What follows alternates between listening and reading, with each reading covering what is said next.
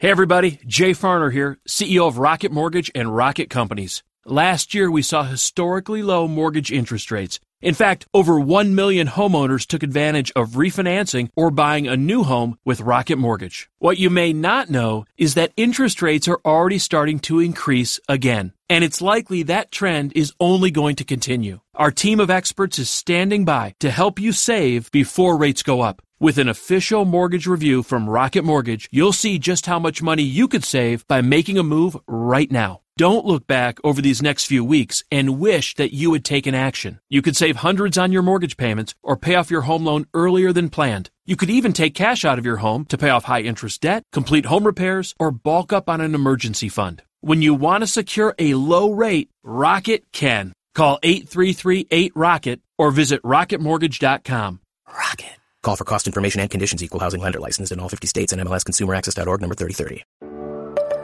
This is what matters most, and I'm Matt Popovits.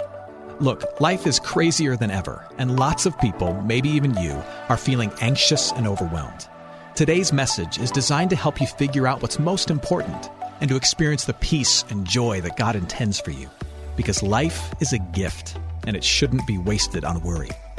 I'd like to give you a resource, something to help you navigate the road ahead. Just go to mattpopovits.com, click on the icon, and we'll send it to you. That's Matt, P-O-P-O-V-I-T-S dot com. And hey, if you happen to live in the Houston area, I'd love to see you on a Sunday morning at St. Mark in Spring Branch. Head to stmarkhouston.org to plan your visit. Here's today's message. Thanks for listening. So it's said that, uh, that Teddy Roosevelt walked this road. Martin Luther King Jr. is said to have walked this road. Uh, truth be told, uh, presidents, politicians, most of your successful CEOs are said to have walked this road. Even your best WWE superstars are probably on this road. Dr. Phil is on this road. People who walk this path or have this personality, uh, sometimes they're accused of being, of being arrogant, of being too confident, of being too bold or too boisterous. But people who walk this path, they are some of the most impactful people in the world, yet often some of the most misunderstood, because beneath all of the boldness, all the brashness, all the confidence is a softness and a deep love and kindness and compassion for those that are around them. Today, as we continue this series, and we're in the home stretch, we talk about those who are on the road of power. Now, if you're on this road, you already know it. And everybody around you already knows it. It's because you are confident and everybody knows it, and you ooze a certain intensity in life. And I'll be honest with you, I love people who are on this road. I especially love working with people who are on this road because you have opinions, you want to make decisions, you want to push things forward, and you always know where you stand with people who are on this road. If you don't like me, you tell me, and I appreciate that. If you think my idea stinks, you tell me, and I appreciate that. I never have to guess, do you like me? Because if you didn't, I would know it. When, when someone is on the road of power, you know it. They're decisive, they're opinionated, the world is black and white, they love to argue, they love intensity, they are deeply passionate. If you're on this road, let me see if some of these statements resonate with you. Chances are they do. I've been told that I'm blunt and aggressive. yeah, you are. I enjoy a good verbal battle. With those I love, I insist on being honest about problems and fighting until we figure it out. It's hard for me to trust people. The right thing is always worth fighting for. Saying no isn't a problem for me. I make decisions fast and from the gut, and my gut is usually correct. I'm suspicious of people who are too nice. I don't have respect for people who won't speak up for themselves. Don't mess with the people I love. I have no problem confronting a bully. Under my tough exterior is a very tender heart. If these statements ring true for you, you might be on the path, the road of power. Now, in the scriptures, when we talk about a person of power, apart from Jesus, there's really just one name that needs to come to mind, and you heard me mention it earlier, and, and the name is Samson. Samson is the closest we get, I think, in the biblical narrative to a Marvel Comics superhero. He has otherworldly strength. And in the book of Judges, it, it talks about his, his incredible, almost like mind bending feats uh, that he's accomplished with his strength. So, for example, it was said that he killed a thousand men all by himself with nothing but the, the dried up jawbone from a donkey. That's a strong guy. Now, not only is he physically strong, uh, but Samson had a position of power and strength in Israel, God's ancient people in the Old Testament. At this particular moment in history, there's no kings just yet. Israel hasn't done that thing yet. There's no Saul, there's no David, there's no kings. There's, there's something called judges. Another way to interpret the word judge is deliverer, it's the same word. And, and God instituted this system of judges, the, these wise and strong, decisive people, to help Israel, well, not get itself in more trouble.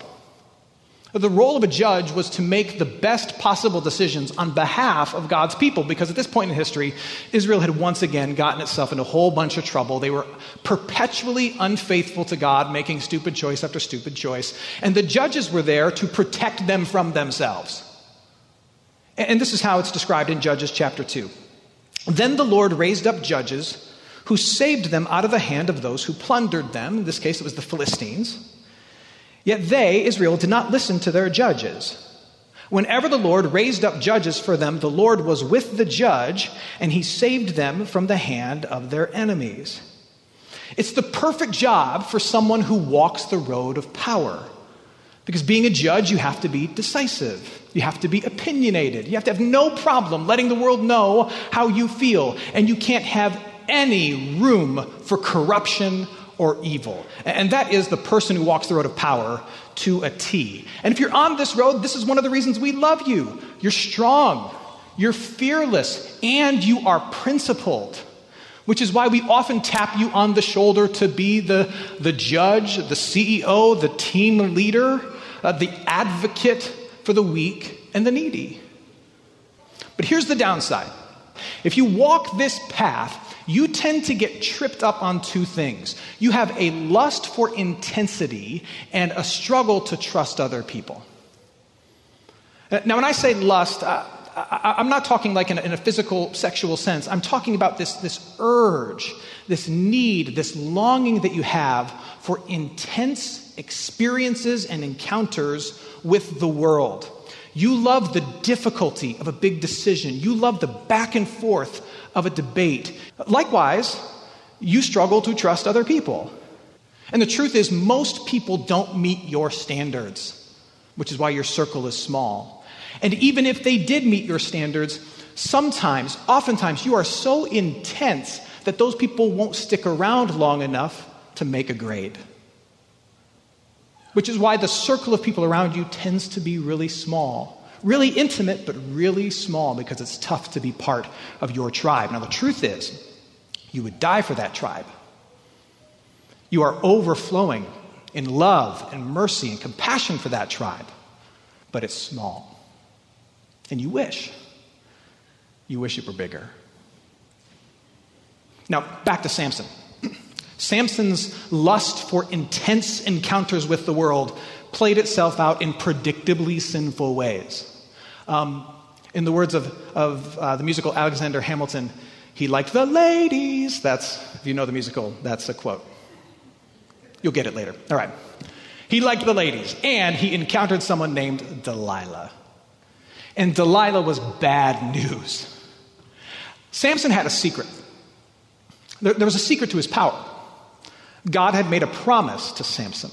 Uh, Samson had made a vow called the Nazarite vow to God, and God had made a promise to Samson.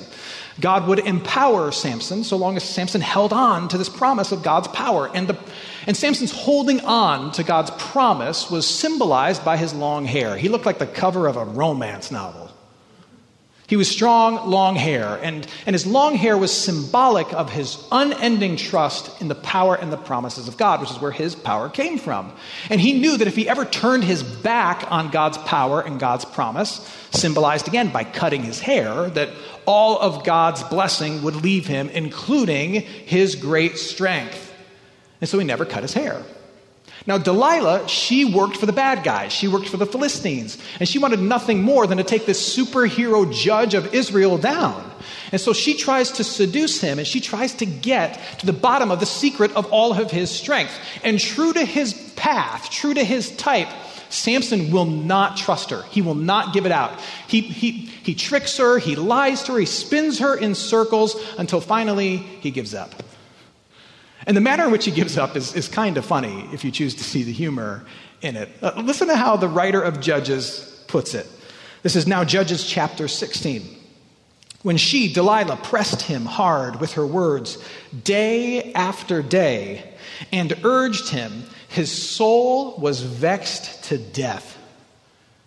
And he told her all his heart. When Delilah saw that he had told her all his heart, she sent and called the lords of the Philistines. In Hebrew, it literally says he was annoyed to death. So the next time someone is annoying you to death, be like, look, I got a verse for you. He, she, he, she annoys him to death to the point where he's like, I can't, I can't do it anymore. Beware the power of a persistent woman. I can't do it anymore. So he's like, Here, look, here's my secret. And the second he tells her the secret, she spills the beans. In run the Philistines. They shave his head. There goes his power. It's, it's symbolic of him rejecting God's promise. All of his power is gone. They put him in prison. They gouge out his eyes. That's a bad day. This is the worst nightmare, not just for Samson, but this is kind of symbolic of the worst nightmare for everybody who walks the path of power, everyone who has this kind of personality. They can think of nothing worse than being betrayed by someone they were dumb enough to trust. And then being bound, being held captive by someone who is corrupt. Because everything within them is positioned, poised, and planning to avoid those two things. I won't get my heart broken by someone I trust, and I will never be held captive to someone I don't respect. In fact, people who walk this road, they're often accused of, of having to be in control. And it's not so much that they have to be in control, it's that they refuse to be under the control of others. And there's a difference. They refuse to be under the control of, of people that they do not respect and do not trust. And remember, they respect and trust very few. And the reason is because they fear that it could end up being a Samson kind of situation. Somebody lets you down and then all of a sudden, you're held captive to a situation where your control is gone. And so you fight against it.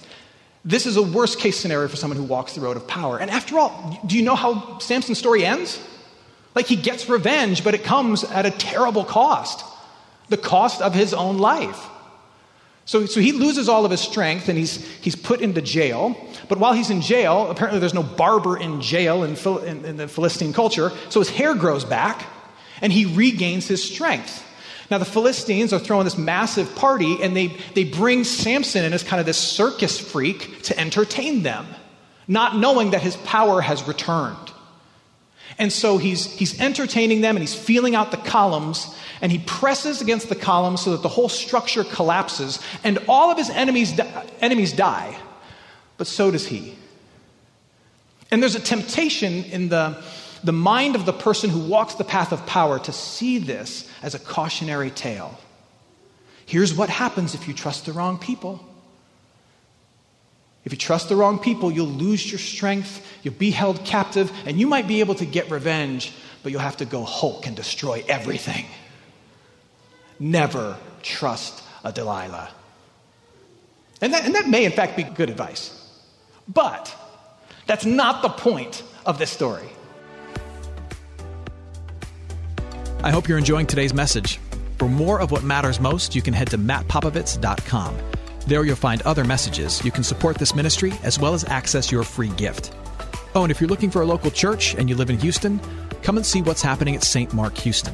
To plan your visit, head to stmarkhouston.org. Thanks for listening, and back to today's message. If you walk the path of power, the point of this story is not about you. This story exists to point you and all of us, it exists to point powerful people to Jesus. In, in studying the Old Testament, there are certain things called types. certain characters in the Old Testament story that, that are meant to remind us of and point us to the person of Jesus. And Samson is an Old Testament type of Christ. He, he's, he's imperfect, he's sinful, he's, he's, he's in no way the Son of God sent to save the world, but in his strength, he reminds us of Jesus. In, in the betrayal that he endures, he reminds us of Jesus. In the death that he endures, where he, he conquers the enemy and loses his own life, he reminds us of Jesus. But here's the difference when Jesus dies, no one else died. And when Jesus died, he saved everybody, including you.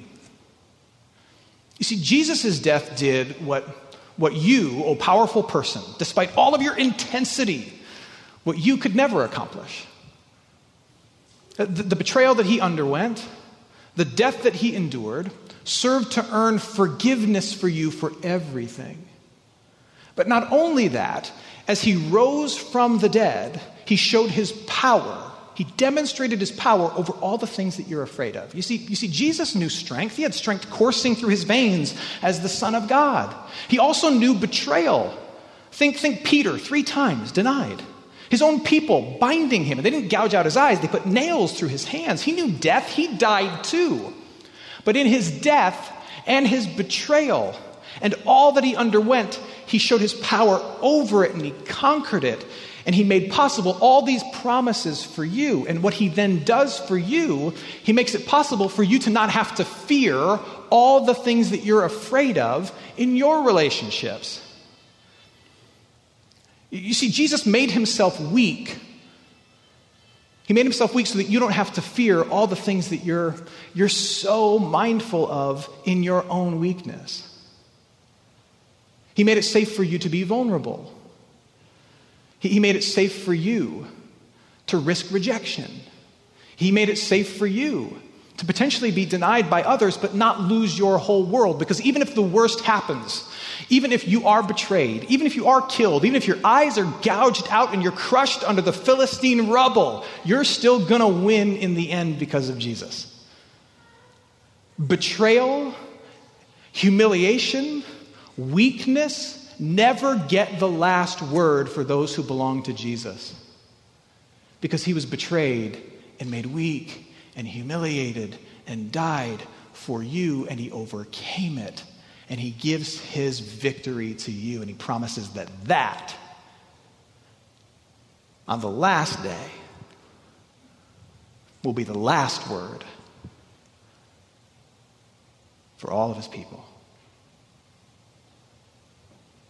Now, it's important for you to embrace that if you walk this road. You, you may have to be weak in order to experience the strength that can come in that relationship. And unless you open yourself up to those things, you'll never experience the depth of connection that you desire. It won't happen. Likewise, if you want to make an impact in this world, you have to set yourself into the relationship with others that it makes for the possibility that you could be let down you could be rejected. You could lose. But unless you risk that, you'll never experience the impact that you can make with all of your strength and wisdom in this world. Now, if, if you're walking this path and you want to grow, and you want to be the healthiest version of yourself, as your pastor and your friend, I'm going to prescribe two things for you, okay? The, the first is this you need to practice forgiveness. I'm going to spill your secret. You're not a very forgiving person. you, you don't let people get close enough to hurt you. And so when someone does hurt you, it hurts you deep and you tend to hold on to it. But the problem is that that hurt that you hold on to, it tends to sabotage your other relationships because the walls that you build and the pain that you hold on to, you take it right into that other relationship and you punish the, the sinless person for the sins of the other. And so practicing forgiveness means for you taking note of the people who have hurt you Maybe even writing them down. Write down the names of the people that hurt you. Write down the things that they did that hurt you. Now, if somebody stumbles across that note, you may have to convince them this is not a hit list. I'm just processing some things. I'm working through some stuff. But this would be a very good exercise for you. Here's who hurt me. Here's what they did. And then in your own heart and your own mind, you walk through the journey of saying, I forgive him. I forgive her. I forgive her. I forgive him. I'm not going to hold on to this hurt anymore. And it doesn't mean you have to let them right back into your life, but it does open up the possibility that the hurt that you extracted from them doesn't have to do damage and sabotage other relationships. The, the other thing is to ponder your weakness. You tend to walk into every relationship in every room confident of the decisions to make, seeing the world in black and white, and ready to plow through any scenario that comes your way. What if, as you did that, you held in your right hand a couple of questions? Questions like, What if I'm wrong? Think about that. What do I need? Who can help me? Questions like this will add some humility into your heart and open you up and position you to trust other people. On the flip side, if you love someone who walks this road, here's how you help them be the healthiest version of themselves. It comes down to three things. You need to stand up to them, you need to speak the truth, and you need to model forgiveness. People who walk this road of power, they only respect people who will push back on them. They only respect people who will speak up for themselves. And so, if you want to have a robust relationship with them, you need to be willing to stand up and shout right back at them. And you'll be tempted to think, why are we fighting? What they'll be thinking is, we're finally getting somewhere. And they'll respect you. Second, you need to speak the truth. They, they, are so concerned with being betrayed that in every conversation with every person, deep down in their soul, they're wrestling with this Can I trust me with you? Can I trust me with you? Can I trust me with you? And if you dance around difficult truths, they're going to say, Nope, can't trust you. You can do more damage by, by dancing around something difficult than by just blurting out the worst truth possible. And then model forgiveness Give to them the grace, mercy, second chances, and forgiveness that they struggle to give to everybody else. And show them that this is part of being in healthy relationships with unhealthy, sinful, broken people. Show them that so that they might show it to you. So, my friends who are powerful, I want to leave you with this image. If you grew up in the 80s, you will know exactly what this is. This was the man who came to the rescue of every thirsty kid in 1986. This is the Kool Aid man. Do you remember what he used to say? Oh, yeah. Yeah, you got it. He'd come busting through the walls and do about $100,000 worth of damage to the structure every time he showed up. But if you wanted a tasty treat on a summer's day, it was this guy who came busting through the walls. And, and just go with me on this. I don't mean anything negative by this. I think it's a good analogy. If you walk the path of power, I think this is you. You have good stuff. Stuff everybody loves. Who doesn't like Kool Aid? You're filled to the brim with good stuff. You're filled to the brim with, brim with good decisions, great principles, awesome insights, fearlessness, boldness. You are filled with this stuff. But sometimes, sometimes when you enter the room, you, you knock down walls. And people can get distracted by the rubble on the ground rather than the great blessing that you bring. In Jesus Christ, you, you are freed to accentuate your path with a different approach when necessary, to be softer, to be gentler. I know you think that means weaker, and perhaps it does. More humility in your heart, more trust in your hands. I know that makes you vulnerable, and it does. But Christ has made it possible for you to risk that because you can't really lose anything by doing that, even if the worst thing happens. And here's where true power is true power is not only being the most decisive and demanding person in the room, true power is being able to be tough and tender. That's true power. True power is being confident yet collaborative. True power is being passionate and precise, but also a peaceful presence we want people to not only see your strength, but your sweetness. And in Jesus Christ, it's safe to show us both. Let's pray. Heavenly Father, we thank you for the, for the strong, passionate, powerful leaders among us. The ones who will stand up to the bullies, speak up for the weak, the ones who know exactly what they want to do, Uh, we ask that you would allow them to step into more vulnerability, to more softness, to experience the full sweetness of relationships and of love, and that we might experience all the love and the generosity and the kindness that they have to give as well.